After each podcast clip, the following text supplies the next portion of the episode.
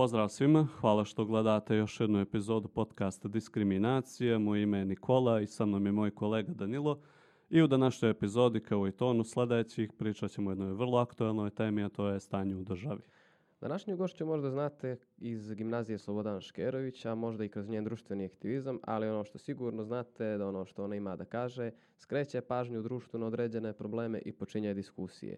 Dame i gospodo, sa nama je danas e, Jasminka Milošević, nastavnica filozofije i sa njom ćemo pričati o jednoj temi s kojeg zaista ima ogromno iskustvo i znanje, a to je obrazovanje kao i aktuelno stanje obrazovnog sistema u Crnoj Gori. Prije nego što vas pustimo da odgledate ovu epizodu u cijelosti, važno je napomenuti da je ovaj podcast dio aktivnosti projekta Diskriminisani zajedno koji realizuje Centar za građanske slobode uz finansijsku podršku ambasade SAD u Podgorici i također važno je napomenuti da mišljenje i stavovi izneseni u ovom podcastu ne odražavaju stavove Centra za građanske slobode, ambasade SAD ili State Departmenta, već isključivo stavove nas kao autora i naših gostiju. Ovo što se sada događa je bez presedana i to u vreme, taman kad ste vi završavali školu, tad je to uzelo zamah. A, ova reforma a, svodi stručne škole na status kursa. Zašto? Zato što u stručnim školama se ukidaju opšte obrazovni predmeti ili se svode na minimum ili dobijaju status izbornih predmeta, sociologija, psihologija, tako dalje. Znači, kuvaru, konobaru, e, majstoru ne treba opšte obrazovanje. Pravimo fah idiote od njih. To više nisu škole. Škola je obrazovno-vaspitna institucija, ustanova. Da bi mogla da uh, obavlja tu svoju funkciju, ona mora da ima opšte obrazovne predmete. Nema sociologije, to je van pameti. Sociologija je obavezna. Svuda. Filozofiju mogu da shvatim da su ukinuli, ali etiku već ne. Pa mislim da se, da se taj, uh, to formalno obrazovanje upravo izgubilo u tim formalnostima koje su upravo. nametnute, ne znam kakvih razloga, ali da, da li onda mi uopšte imamo potrebu za postojanjem striktno stručnih škola i striktno opšte obrazovnih kao, na primjer, gimnazije. Moje mišljenje je da nema potrebe za tim da, da, da mora jednostavno da se napravi neka uh, mješavina između ta dva. E pa to je ono što je bilo u okviru usmerenog obrazovanja. Uh, prva godina je bila uh, opšti smer za sve. Na drugoj godini su učenici birali smerove, a na trećoj zanimanje. I onda se, se broj predmeta i vrsta predmeta menjala. Recimo, ja sam išla prema jezicima i filozofiji, tako da sam u drugom razredu dobila drugi strani jezik, dobila i latinski i imala sam četiri časa nemačkog i pet engleskog i dva časa latinskog.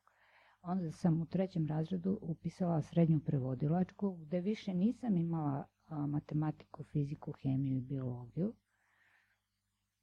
Možda je to moglo se zadržiti u manjem uh, obimu, ali uh, ukinuto i ne primećujem da mi nešto nedostaje. Mislim da biologiju znam bolje nego neko ko je završio prirodno-matematički smer gimnazije. A, zato što me interesovala, a imala sam dobre profesore prvo dva razreda. U svakom slučaju imala sam sedam časova engleskog, Kasnije sam sa srednjom školom radila kao prevodilac, znači da smo ipak nečemu naučili. I danas padam u nesvest kad vidim kako neko ko je završio engleski i prošao te kurse za prevodioce prevodi, jer prevodi doslovno, a da, apsolutno. A, imali smo a, filozofiju dve godine, imali smo logiku, Da, kada je logika u pitanju, ja bih je uvela u sve škole. Zašto? A Izraelci, dajem primjer Izraela, Izraelci su radili istraživanje, tako su odlučili da uvedu logike suda, logiku suda. A, godinu ili dve a, imali su eksperimentalnu školu. Jedan deo učenika je imao logiku kao predmet, drugi deo nije. Rezultati iz ostalih predmeta kod učenika koji su imali logiku kao obavezan predmet su bili mnogo viši nego kod onih koji nisu imali logiku kao obavezan predmet. Znači iz hemije, iz biologije, iz jezika i tako dalje. Znači da je logika potrebna. Kod nas je ukinuta pod izgovorom da sve to imaju u okviru matematike. Ja sad će odgovor biti sve to imaju u okviru filosofije. ne, ne. Znači nemaju u okviru matematike, sve Nemaju, to definitivno. očigledno nemaju. Iz matematike se čini mi se jedno tromeseče izučavaju izučava logike u tautologije, šta je i, šta je ili logike, znači nema, Nema. nikako Logike nema iskaza, ni filozofskog ništa. ni psihološkog Ne. smisla. Tako da uh, mislim da je logika potrebna. Kad sam bila mladi profesor, nisam bila sigurna. Međutim, kako godine odmiču i kad ja vidim šta se dešava sa generacijama koje nisu imale logiku, postaje mi jasno da je nasušna potreba. Da, i plus ono, živimo u takvom svijetu da možemo da vučemo iz tih komparativnih iskusta, iskustava zemalja koje su već implementirale određene stvari. Da, I kao što smo pričali za demokratiju, ne moramo mi bukvalno da uvozimo njihov Jest. kurikulum, Da. možemo da učimo iz njega, Ali što i, je, i da što i stvaramo poenta. svoje, ali mi nažalost nemamo ljude koji imaju dovoljno energije, lana. Ima ljudi koji imaju znanja. Znam par žena koje su tatamate. Ali, uh, iako su prepoznate, nije im dato da rade to kako, tamo gde bi trebalo. A, a s druge strane, one same se nisu, uh, nisu bile dovoljno uh, javno kritične prema ovome što se događa. Nisu dovoljno kritikovali. Ovaj, pa mislim, profesori su nekako, profesori i profesorki su generalno isključeni nekako iz javnih života, iz javnog života, da pravilo je da se ne miješaju u politiku, pravilo je da održavaju status quo iz, Da. izrečito ćutanjem ili nekim To je neutralnim stavovima. krivica, da, O da, mislim, to je definitivno krivica sistema, ali... da, ali i samih profesora, to moram da priznam. S treće strane, profesorima nikad, uh, pazite, ljudi završe hemiju, završe biologiju, završe, završe filozofiju, dobiju posao u školi, posle određenog vremena, obično godinu dana, moraju da polažu uh, stručni ispit, ali sve su to formalnosti. Nikada im niko do kraja ne objasni koliko je važno poznavati oblike nastave. Čemu služe ti oblici nastave? Ne služe samo zato da ih zapišeš u pripremi i da ko zna šta primenjuješ, nego da to služi upravo u vaspitne, a ne samo u obrazovne svrhe. Meni je jedna velika tu problematika, evo sada se dotaknemo profesora, iskritikovali smo roditelji. Način na koji se biraju profesori posebno, posebno kod nas gdje je maksimalno školstvo i do sad bilo ispolitizovano. Znači prvo što su plate za takvu jednu krucijalnu poziciju preniske da bi napravila određenu potražnju gdje bi se kvalitetni kadrovi zainteresovali, eh ja bih da budem nastavnik u srednjoj školi ili u osnovnoj školi, a to su ljudi koji oblikuju ob- Pa evo, nedavno je uh, Stanka Vukčević, uh, ne znam da li još uvijek potpredsjednik Republičkog sindikata prosvete, svakako vodi uh, udruženje profesora društvene grupe predmeta. Ja sarađujem i sa njima. Iznala u javnost podatak da će po ovim novim merama vlade koeficijent za obračunavanje zarada prosvetnih radnika biti negde oko uh, 7, a lekara 20. Kako sedam ne razumijem taj sistem, čisto Pa, i objasnite nisam nija neki ekspert, Ali će da mu- ali da svakako, svakako će e, značiti da će plate e, lekara otići daleko, daleko iznad e, plata prosvetnih radnika. Ako prosvetni radnik bude imao platu a, otprilike 700 eura sa ovim povišicama, 750, onda će a, lekar imati 2, 3, 4 tako. Mi ohrabrujemo, znači osobu koja završi fakultet sa vrhunskim ocjenama da ide u prosvjetu nikako. Nego im govorimo sa tim Drži se dalje odatle. odatle, nemoj da te djeca maltretiraju.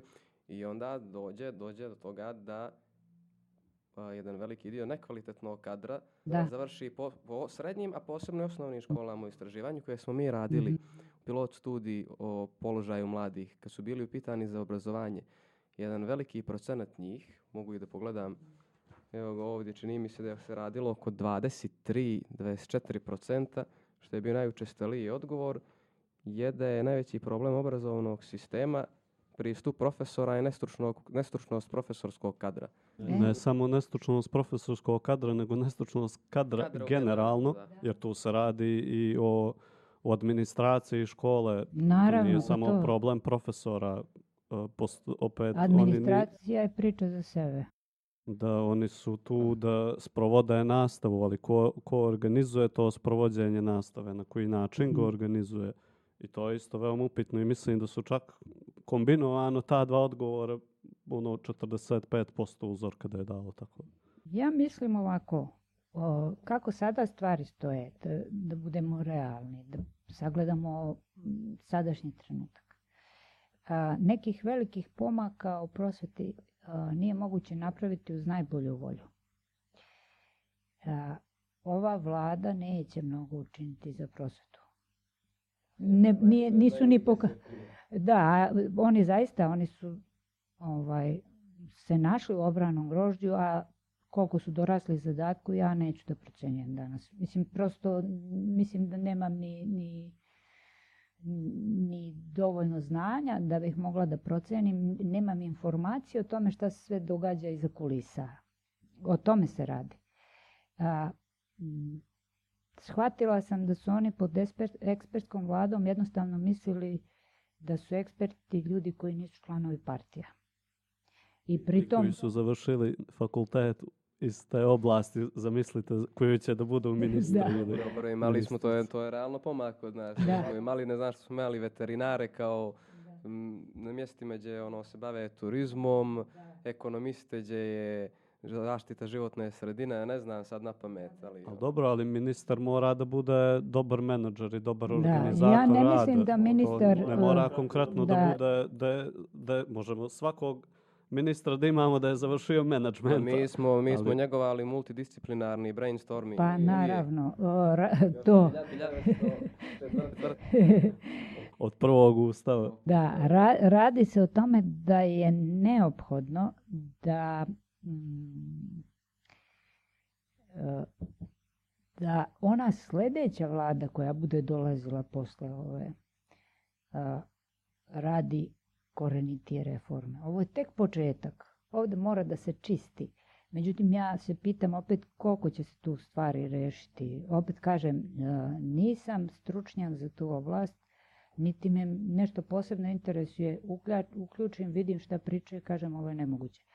Uvek se setim našeg e, sirotog premijera koji se izvikao na e, direktore škola i istovremeno poslao poruku svima nama u prosveti da smo lenjivci, ovako, onako i time u stvari pokazao da ima jednu predrasudu koju je stekao verovatno na osnovu vlastitog iskustva A sam je bio pro, Pa, kažem. radnik 30 godina. E to, mislim, to je nešto što uh, je on uh, primetio oko sebe, a možda i kod sebe. A, da je radio u školi, onda bi to možda drugačije gledao. A, jer uh, bez obzira na rezultate ove ankete koja kaže tu ima nestručnog kadra i tako dalje, ja znam da većina profesora pokušava da radi najbolje što može. Ne svi, ali da većina pokušava. Druga je stvar e, da li oni znaju šta treba da rade. e, Pritom kažem, ne ulazim u sadržinu predmeta, u nauku kojom se oni bave. I ne samo to, nego a, posao prosvetnog radnika je 30% sadržina, a sve ostalo je poznavanje e, teorija nastave, metoda i tehnika nastave, poznavanje pedagoške psihologije, e, To je nastavnički posao. Nije nastavnički posao. Mogu ja da dođem sa svim desetkama s fakulteta i da budem nikakav nastavnik. Zato što ne znam svoj posao. Moj posao nije poznavanje moje nauke. Dobar će nastavnik predavati matematiku iako je završio, ne znam, sociologiju. Jer će brzo ući u ono što treba da ispredaje. Dobar profesor mora da nauči učenike da uče sami i da misle sami. Postoji metod koji se zove uh, izokrenuta učionica. Ako ja ne znam matematiku, ne moram li da je znam nikad, daću učenicima da istražuju sami. Ja sam to radila iz filozofije. Naučimo profesore. E, upravo to. Uh, to je to uh, deo uh, velikog, velikih promjena koje sad dešavaju u svetu, a mi ne znamo za njih. Ujedinjene nacije zagovaraju i ja sam nedavno bila na online forumu, pratila se taj forum, a prošla sam i obuku u, Azijsko-pacifičkom centru za mir UNESCO-vo o transformativnom obrazovanju.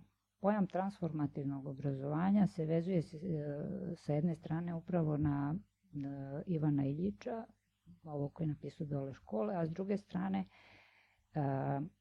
za Paula Freira, brazilskog teologa, filozofa i nastavnika.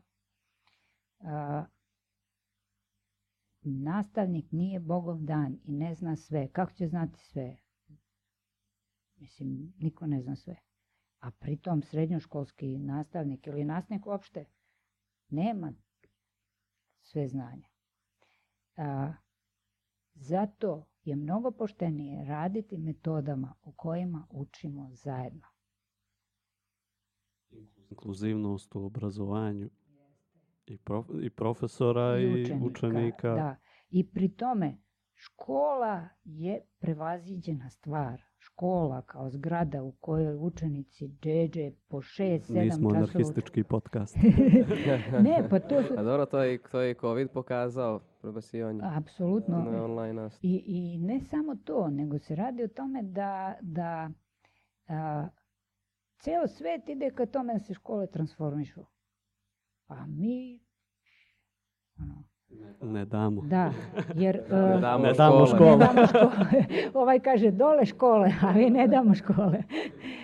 Ne radi se o tome da treba sad napustiti obrazovanje, nego se radi o tome da treba na, napustiti treba, treba jedan... uzeti obrazovanje, mi smo ga davno da, napustili. jer radi se o tome da obrazovanje, obrazovni sistemi ovakvi kakvi su kod nas i jednom delu sveta, ne svuda, služ, stoje u službi uh, održanja određenog sistema na vlasti. Da, to je bilo početno pitanje. Pro, da. Gdje postaje obrazovanje, indoktrinacija, propaganda, gdje je ta linija? Uh, pa kod nas je nema. Ona je kompletno indoktrinacija. Profesor ima srećom slobodu uh, u učionici i tu slobodu ima m, prirodom svog posla da može tu indoktrinaciju da uh, koliko toliko na minimum. Ali sam sistem, način uh, školovanja je oblik indoktrinacije. Jer ocenjivanje je indoktrinacija. Merenje znanja je indoktrinacija. Ono bankarsko obrazovanje, kako ga zove Freire. To su sve oblici indoktrinacije solidarnost se gubi, ovo što smo rekli zlatno pravilo, zato nam treba i veronauka u školi, jer ona je anarhistički element u ovakvom sistemu obrazovanja. Ako se dobro sprovodi, kontrolisano sprovodi i ako je uz sveštenika tu i profesor. Pa da li smo mi dovoljno zreli? Jesmo. Ja mislim da jesmo ali ja sam, ja sam sad, mislim, ja sam psiholog po struci, pa sam ja opterećen mjerenjem sa kvantifikacijom. da, e, upravo, pazi, psihologija je druga stvar. Psihologija jeste tu da meri.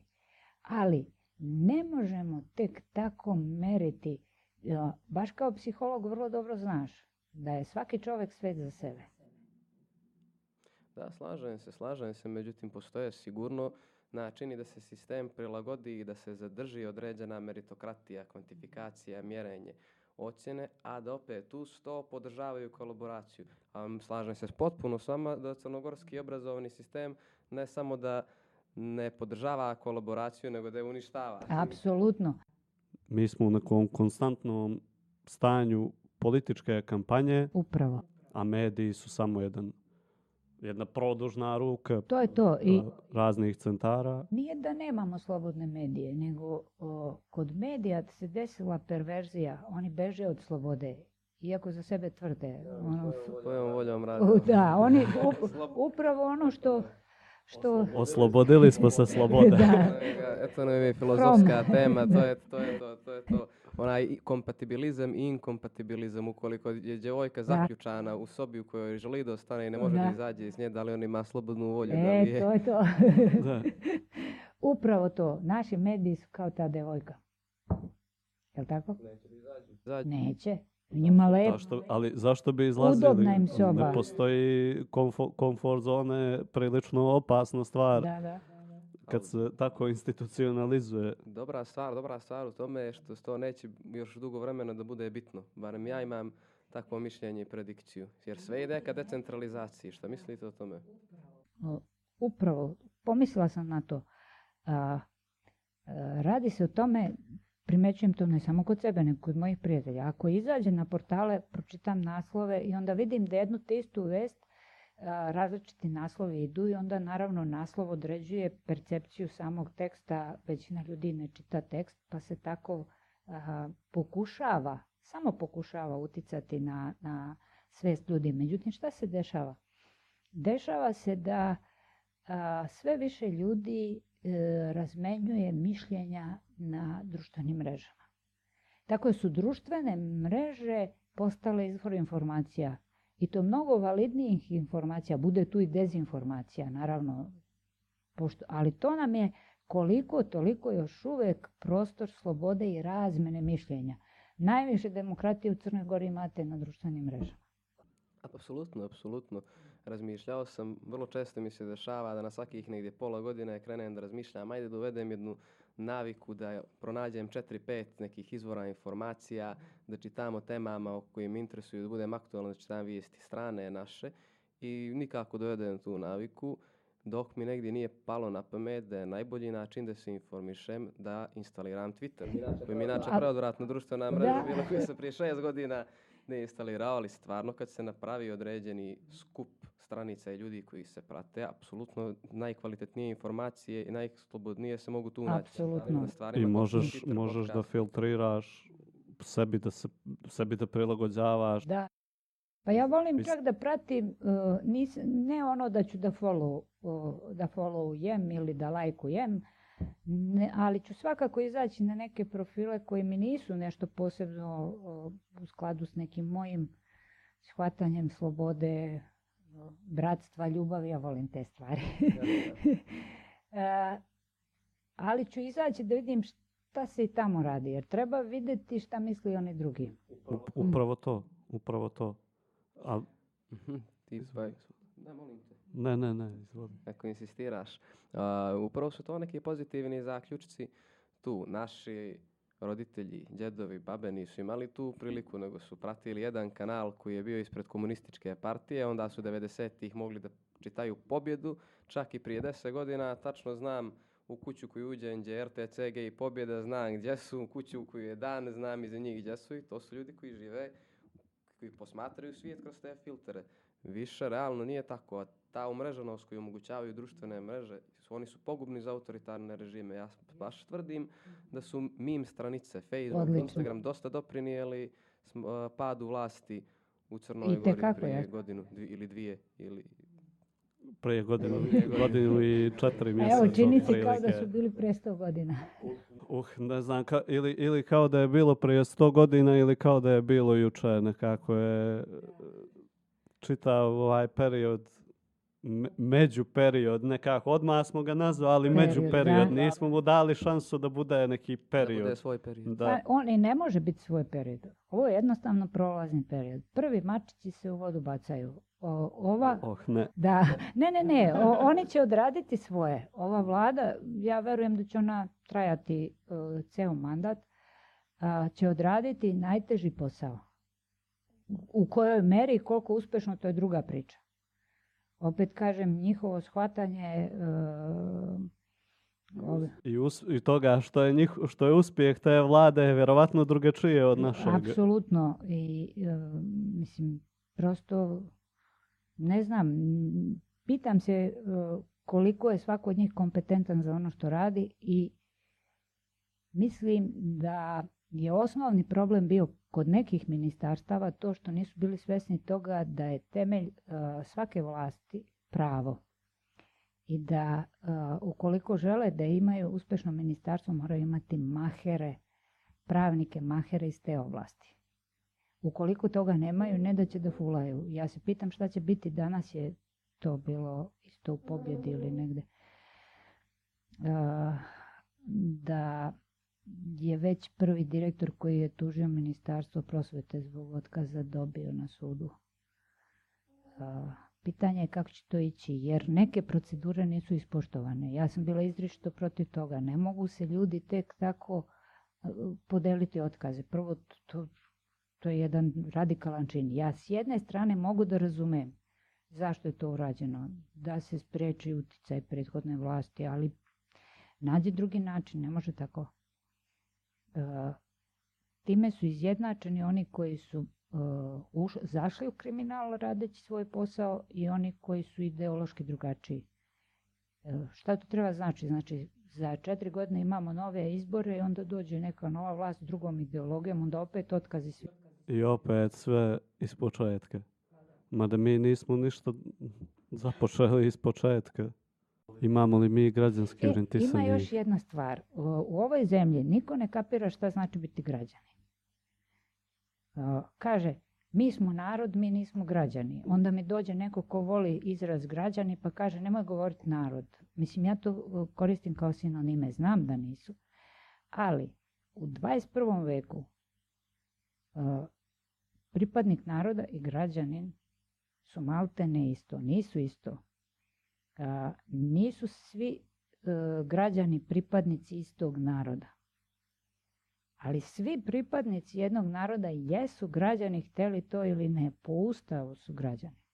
Građanin je jednostavno čovek koji ima određena prava i obaveze kao građanin ove države i istovremeno je nosilac suverenosti ove države, što ja strašno volim taj član ustava, i e, on u stvari vlada državom.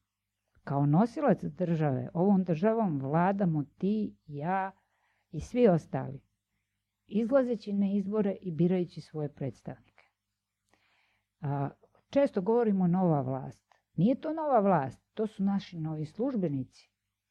Mi smo ih delegirali da donose odluke u naše ime. U, ovde je narod, odnosno građani, kako god hoćete, vlast.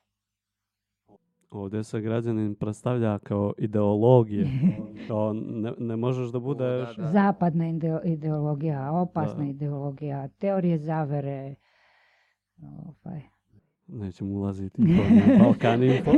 Svako dolazi do toga, mi smo građanska partija. Da, Da, mi smo Da. proevropski orijentisani, mi težimo evropskim vrijednostima, mi poštujemo tek antifašističke i svakakve neke druge Pa i tekovine. fašizam je nastao u Evropi, prvo to. Druga stvar, e, da li je fašizam nestao iz Evrope, veliko je pitanje jer e, savremeni e, teoretičari društva u zapadnoj Evropi, ne svi, ali neki od njih, zagovaraju stav da je Evropa nastavila u nekom obliku soft fašizma. Da se nikad nije pogledalo u ogledalo i nije se sudarilo do kraja a, sa nekim stvarima koje je radilo u istoriji u posljednjih par stotina godina. Ne mislim samo na prvi i drugi svjetski rat, nego i na kolonijalizam i tako te stvari. Moja iskustva sa ljudima iz bivših kolonija, iz Afrike, iz Azije i Latinske Amerike, da su ti ljudi mnogo samosvesniji, mnogo svesniji vrednosti slobode, mnogo više nego mi, da mnogo više rade na sebi i da mnogo više rade na unapređenju slobode u svojim državama. A mi gledamo kao da su ispod nas. Jedan od poznatijih američkih dnevnih listova ili nedeljnika, više ne znam, nedavno je objavio istraživanje po kome će od 20 najurbanijih gradova na kraju 21. veka 11 biti u Africi. Kad sam bila u Koreji na obuci, bili su nastavnici iz Azije, Afrike, Latinske Amerike. Ja sam bila jedina iz Europe i znate li čija je plata bila najniža? Nije Vaša. Mislim, Kako volimo i poštujemo prosvjetne radnike Da. u Crnoj Gori. I, i, I ne samo to, nego se radi o tome da ti ljudi e, mnogo više upravo to poštuju posao prosvetnog radnika, a druga stvar, koliko ti ljudi znaju, znaju nenormalno mnogo. A, gdje sam vam pominjala da sam radila u vreme olimpijade kao um, a, mentor nastavnicima u Kakuma kampi, kampu u Keniji. To je najveći, jedan od najvećih izbjegličkih kampova u Europi.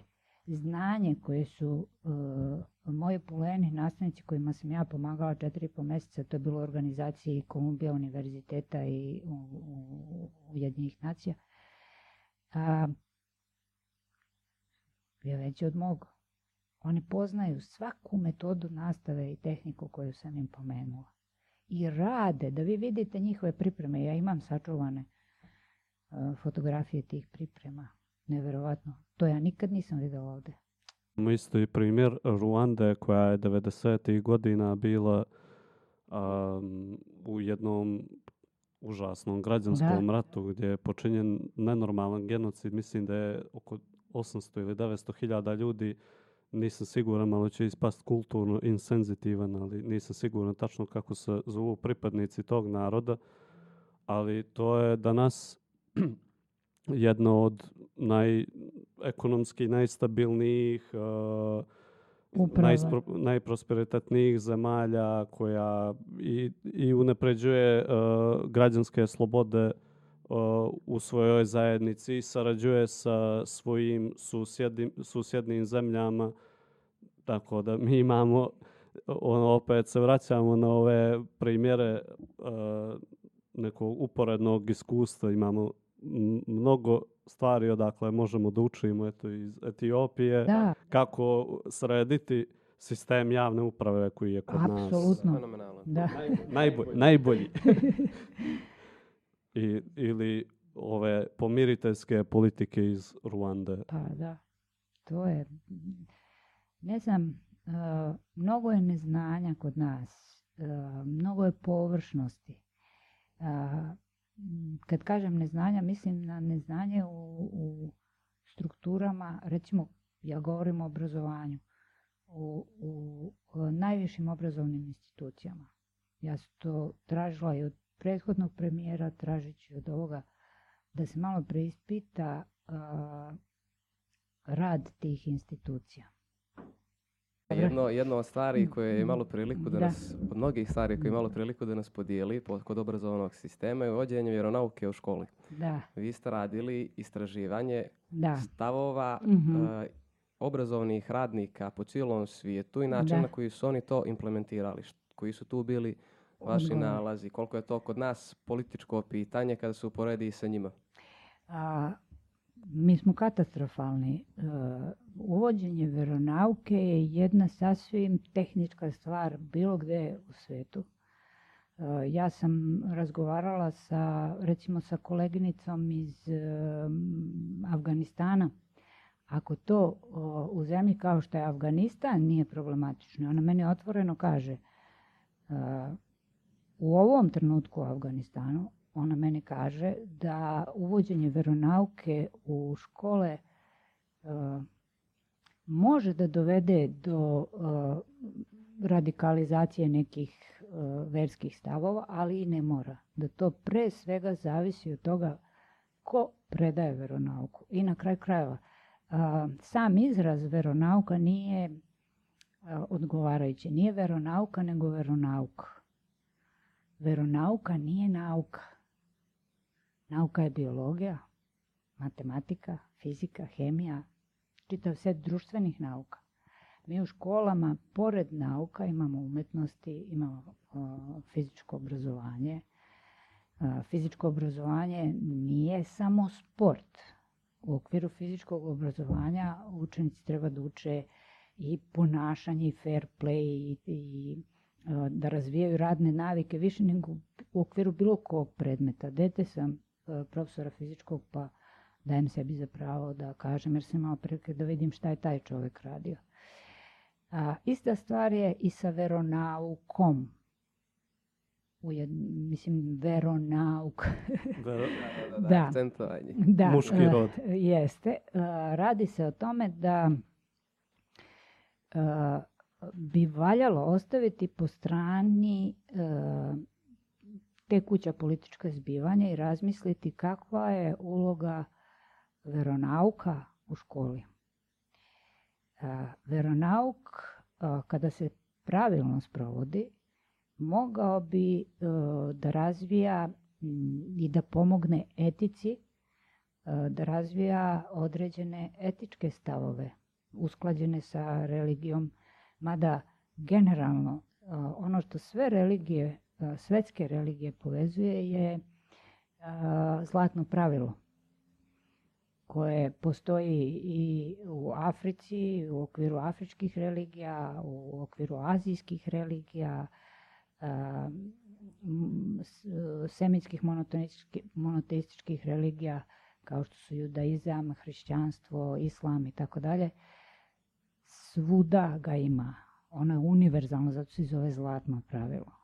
Ima ga u svakoj religiji suština, onda se iz toga može izvesti da je etička suština religije a, upravo ono pravilo koje Isus a, daje u afirmativnom obliku, a to je čini drugome ono što želiš da tebi bude učinjeno. Ili u negativnom obliku ne čini drugome ono što ne želiš da tebi bude učinjeno. To je elementarna stvar koju veronauk može da unese u škole. Na kraju krajeva mi imamo predmet e, istorija e, religija i ono što je interesantno e, da sam ja zapazila predajući taj predmet godinama da nedostaju predstavnici e, religija na časovima. Naše škole su e, okoštale. One se ne menjaju više od 100 godina. Princip je isti. Imate učionicu, zatvorite učenike u učionicu, dajte nastavniku dnevnik i neka on tamo ubacuje znanje u prazne glavice. Ne lupi dnevnikom kad su nemirni. E, to. Upravo to. E sad, radi se o tome da uh, uh, nastava mora da bude interaktivna. Ja često ovako kad e, malo po Facebooku, više vesti pratim na Facebooku nego što čitam na portalima, jer na portalima uvek prepoznajete određenu ideologiju i određene skrivene ciljeve. A na Facebooku ljudi komentarišu mnogo otvorenije i slobodnije, onda se može mnogo bolja slika videti šta se biva u društvu nego... Elem, često na društvenim mrežama naiđem na to da je neko održao interaktivnu radionicu, što je pleonazam. Radionica mora biti interaktivna. Međutim, pitanje je da li su naše radionice interaktivne. Da pa bi... Pa šta znači interaktivna radionica u prevodu? Mala kućica. Da, da bi nešto bilo stvarno interaktivno, moralo bi da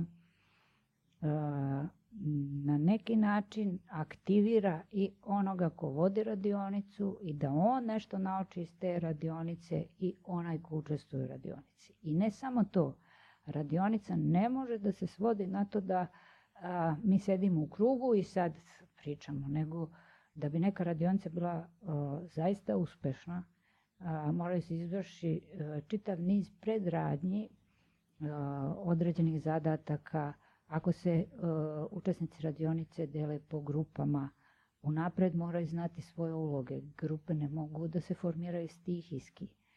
A, svako u toj grupi ima a, određeni zadatak. Tu se uči timski rad. Nijedna značajna odluka ni na radionicama, a boga mi ni na nivou države, ako je država demokratska, ne može da se donosi tako što će par ljudi odlučivati, nego odlučuje tim. I problem naše politike je uvek to što recimo dominiraju, nego ja skrenuh sa, sa Pa, na- pa mi smo socijalna bića, moramo da naučimo da funkcionišemo u kolektivu, da, a to funkcionisanje u kolektivu se nama baš i ne ovaj, propagira ili ne učimo to da radimo. E, to je elementarna stvar. U školama mora da se uči da se radi u kolektivu. I ja sam maštala o tome da kad predajem, recimo, judaizam, da dođe rabin, da mi posetimo jevrejsku zajednicu. Da bi se to moglo izvoditi, način organizacije nastave u školi bi morao bude sasvim drugačiji. Ne može ono imaš časove po 45 minuta ili sad po pola sata i tako dalje, nego jedan dan je odvojen za istoriju religije. A, potpuno drugačije da sad... mm, Da ne ulazimo u, U či- reformu čitavog Ono sistema. što, sam, ono što sam ja htio da Mm. pitam, a načeli ste Da, da. dosta, dosta Mhm. tema interesantnih je između ostaloga što ste rekli da škola treba da prenosi vrijednosti, škola Jeste. prenosi kulturu, škola prenosi vaspitanje. I onda Da. iz te perspektive ste se obratili uvođenju vjeronauke. Ali jedna stvar je meni samo tu Da. problematična. Gdje prenošenje određenih kulturnih vrijednosti Mhm. postaje in- indoktrinacija i propaganda. Jer da se vratimo, kako Mhm. ste, vi predajete Da. uh, istoriju Istoriju religije religije. u školama. Meni je paralela toga, vjeronauke i istorije religije u školama, kao paralela gdje smo izučavali kroz časove filozofije marksizam Da, na jedan objektivan način, a Da. vjerujem da marksizam kako ste ga izučavali da. u vašoj osnovnoj školi i srednjoj Da. i moji roditelji kako su ga izučavali, da nije bio, da nije Pa bio i sredstvo Marks bi objektivne... plakao da vidi. Tako isto mislim da bi Isus plakao da prisutuje nekom času veronauke. Međutim, n- kažem, nisam uh, izričito protiv uvođenja veronauke, veronauka u školu, ali uh, dozirano i na način uh, saradnje sa nastavnicima koji već predaju istoriju religije. I jednostavno mogu ja sto puta učenicima, i mi imamo i online grupe i tako dalje, i, a, mogu da im a, pokazujem i, i simbole određene religije i snimke određenih rituala, verske pesme i tako dalje. Ali zar nije bolje otići u hram pa prisustvovati svemu tome u hramu? Samo mikrofon malčice Da. podignite, Da. izbalansirajte ga, Da. da vam Mhm. pomognem? Ne, ne, dobro, ja mislim da jeste. Da se zvuk sačuva. ovaj, e, neophodno je da, da, e, da učenici ipak dožive iskustveno učenje je nezamenljivo. Sveštenik mora da se pojavi na času istorije religije. I nemam ništa protiv toga da se napravi neka vrsta kompromisa između istorije religije i veronauka. Na kraju krajeva nisu sveštenici e, nacionalisti koji će e, propagirati određenu religiju. E, više se događa da se zbog neznanja i nepoznavanja vlastite religije oko a, određenih verskih zajednica okupljaju radikalni nacionalisti. U stvari nacionalista je uvek radikalan. A, ima ljudi koji su vernici, a nisu nacionalisti. I toga ima i u islamu, i u hrišćanstvu, i u judaizmu, i ne samo tu, nego u svim ostalim religijama. Jednostavno, religija je samo sredstvo nekih ljudi da ostvare određene ciljeve. Tako je hrišćanstvo i postalo jedna od državnih religija Rima u doba cara Konstantina. Da, bila legalizovana Da, i jeste. kasnije u petom vijeku Da, napravljena zvaničnom religijom carstva. da. U suštini ono što kažete je da bismo implementirali Mhm. uspješno vjeronauku u školi, nama ne treba vraćanje na stare tokove obrazovanja, Naravno. nego jedan potpuno novi. Novi, upravo pristup. to. I šta više, mislim da bi uvođenje vjeronauke u školu ubrzalo m, demokratizaciju škole, ubrzalo reformu u pravom pravcu. Jer ovo što se sad događa sa reformom, ovo je karikatura. Nama je nametnut jedan način reforme koji mi ne razumemo i koji je potpuno u neskladu sa duhom ovo- ovog podneblja. A, to bi isto bilo kao kad bismo mi sad e, usmjereno obrazovanje e, pokušali nametnemo Britancima, ono koje je nekad bilo u dobu Jugoslavije. Ono je imalo smisla u samoupravnom e, socijalizmu. I tekako je imalo smisla. Ali u zemlji poput Velike Britanije ne baš mnogo. A, mi bi trebali da se vratimo nekoliko koraka unazad kad je reforma u pitanju. To je u stvari stvari suvereniteta ove države. Zašto bismo mi po svaku cenu implementirali neke principe koji su nastali u nekom međuprostoru? On čak ne postoje ni u jednoj zemlji tako zamišljeni. E, Svaka zemlja svoj sistem obrazovanja izgrađuje iz svojih potreba i svoje, na temelju svoje kulture i tako dalje. A mi smo uvezli neke ideje, pri tome oni koji su to uvozili nisu bili svesni šta uvoze, niti su nas znali obučiti kako e, da to primenjujemo. Niti, ja mislim da to nije ni moguće u ovoj zemlji primeniti, da to bude kako treba, da se ne izgubi identitet naroda. Identitet ovog podneblja. E, jako, Kad je, kad je počela reforma negdje Mhm. otprilike 2012. 13. godine Poč- ili Počela je ranije, počela je ranije. Ja sam počela da radim u prosveti posle niza poslova na drugim mestima, e, što mi je kasnije koristilo i tekako u prosveti da malo stvari sagledavam drugačije. Nije isto kad posle fakulteta uletite u učionicu ili uletite e, na Beogradsko sajmište da čistite ili u hotel kao sobarica ili u pekaru, a ja sam prošla sve te poslove. E, tako da kad sam radila u poljoprivrednoj školi u Baru ili u trgovinskoj školi ovde, vrlo dobro sam znala šta te ljude čeka kasnije. I e, bilo mi je lakše da s njima pričam o filozofiji nego sa recimo gimnazijalcima za koje se još nije znalo šta ih čeka. E, u svakom slučaju, e, jako je važno e, prilagoditi reformu obrazovanja ovom podneblju. E, Ne samo reformu obrazovanja, nego i reformu demokratije. E, m, Mi uvozimo i demokratiju i onda nije čudo što, čudo što kod nas ne funkcioniše. To je potpuno u neskladu sa mentalitetom ovog naroda. I uvek deluje veštački i uvek imate nametanje i uvek ćete imati onda grupe koje će manipulisati i da zloupotrebljavati i to. govoriti da mi nismo podneblje koje je spremno da uopšte baštini demokratske vrijednosti i da napravi jednu zajednicu koja bi se Naprotiv, bazirala. ja čak mislim da smo uh, više uh, stvoreni za demokratiju nego mnoge zemlje koje važe za onako A, a koje društvo je u suštini u, u svojoj biti stvoreno za demokratiju. Ali zanimljiva, zanimljiva tvrdnja. da, Iz nekog istorijskog konteksta gdje smo mi dosta bili skloni autoritarnim sistemima. Mi smo se kroz cijelu istoriju klali međusobno i onda smo razvijali sisteme i mentalitet koji idu, ide uz to.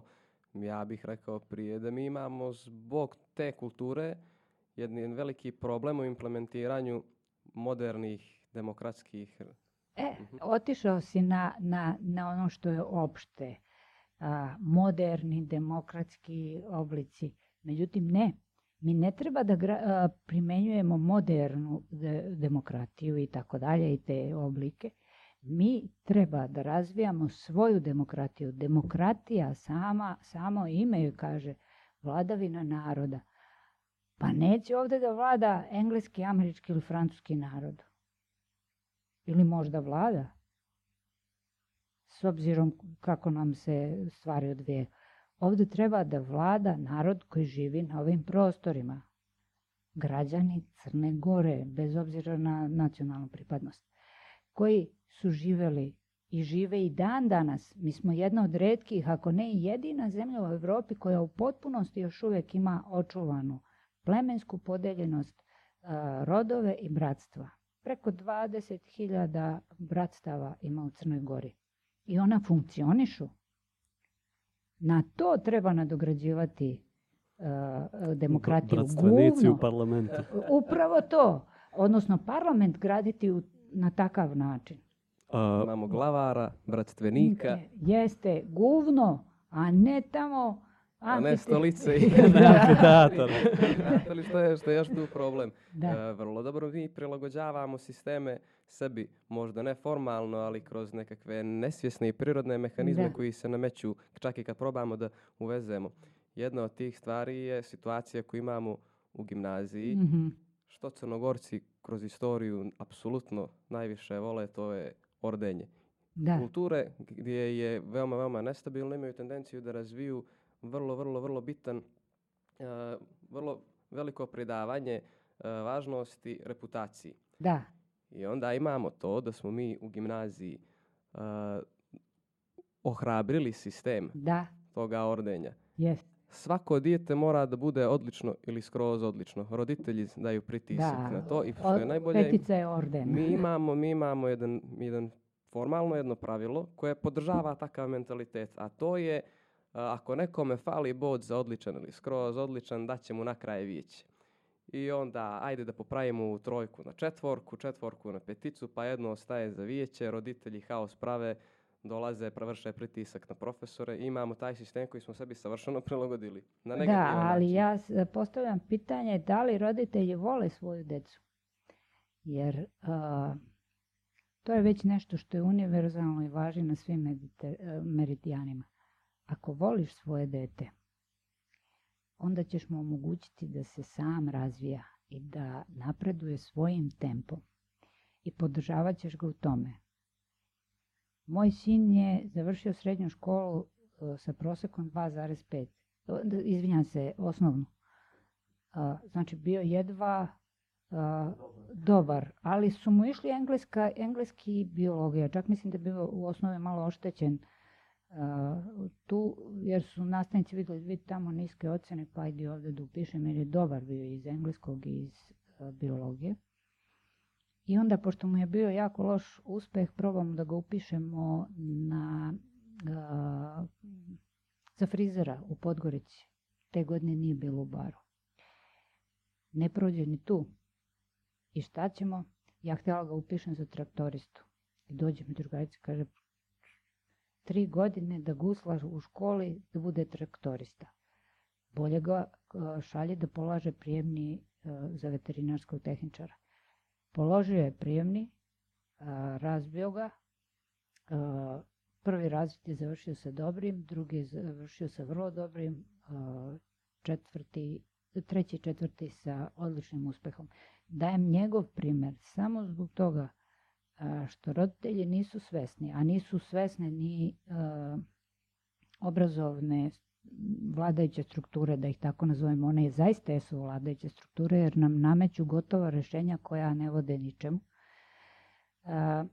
Da se deca najviše razvijaju upravo u periodu pubertete, adolescencije. To bi oni morali da znaju ako rade u obrazovanju. A a mi smo napravili takav sistem. Prvo, ovo što si ti rekao, nametanje ocena, pošto poto i tako dalje. Roditelji izrežiraju detetu u kom pravcu će da ide i onda nije ni čudo što je posle nesrećan pa će da ide da stavlja silikone ili ostalo jer će misliti da će na taj način da ovaj, pronađe identitet koji nije mogao da pronađe u toku mm. adolescencije. Upravo, to je ključni, ključni stadijum Upravo od neke 14. ili 13. Jeste. ukoliko sjećam, pa do 20. Da. a, međutim, ako pustite dete da ide svojim koracima i svojim tempom, ako a, moj sin imao sreće da je upravo uleteo tamo što je u stvari hteo, on je cvetao tamo. Kasnije upisuje ekologiju, bio je jedan od najboljih studenta.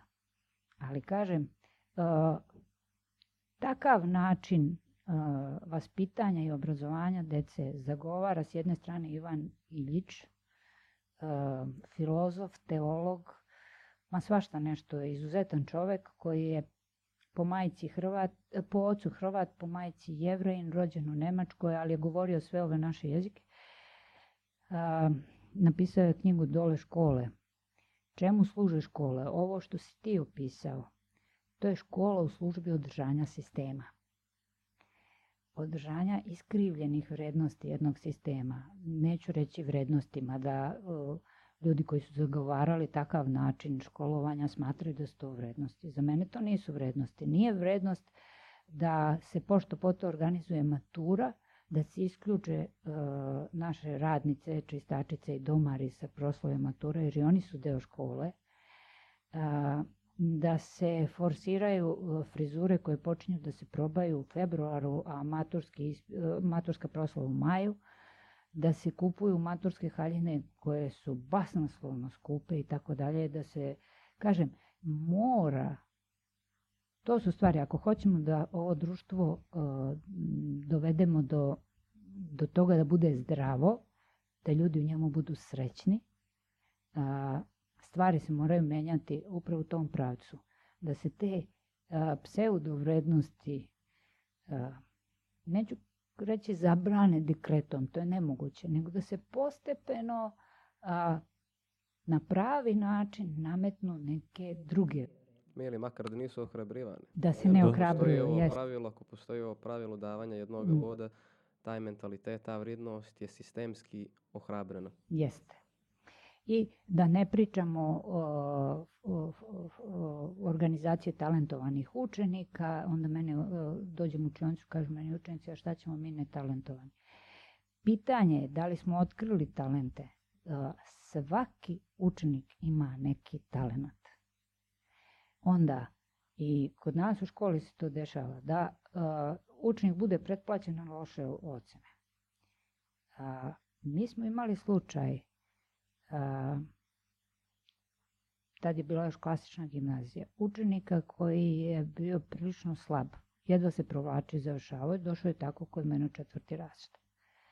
Prva ocena mu je bila jedinica iz filozofije. Druga ocena, kaže on meni, ja mu upišem dvojku, rekao, valjda je naučio za nju.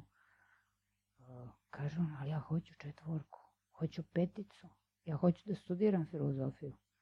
Momak naučio za drugu ocenu za pet. Ja šta ću, ispod one dvojke upišem peticu. To sam prvi put i posljednji u, u, u životu upisala ocenu prema što sam čula odgovor, jer sam bila sigurna da neće znati, da će jedva znati za tu dvojku.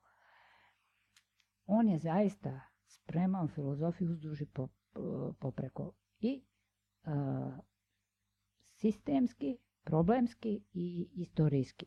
Na kraju godine smo imali uh, filozofski maraton koji je trajao preko 5 sati. On je držao između ostalog govoranciju sati nešto.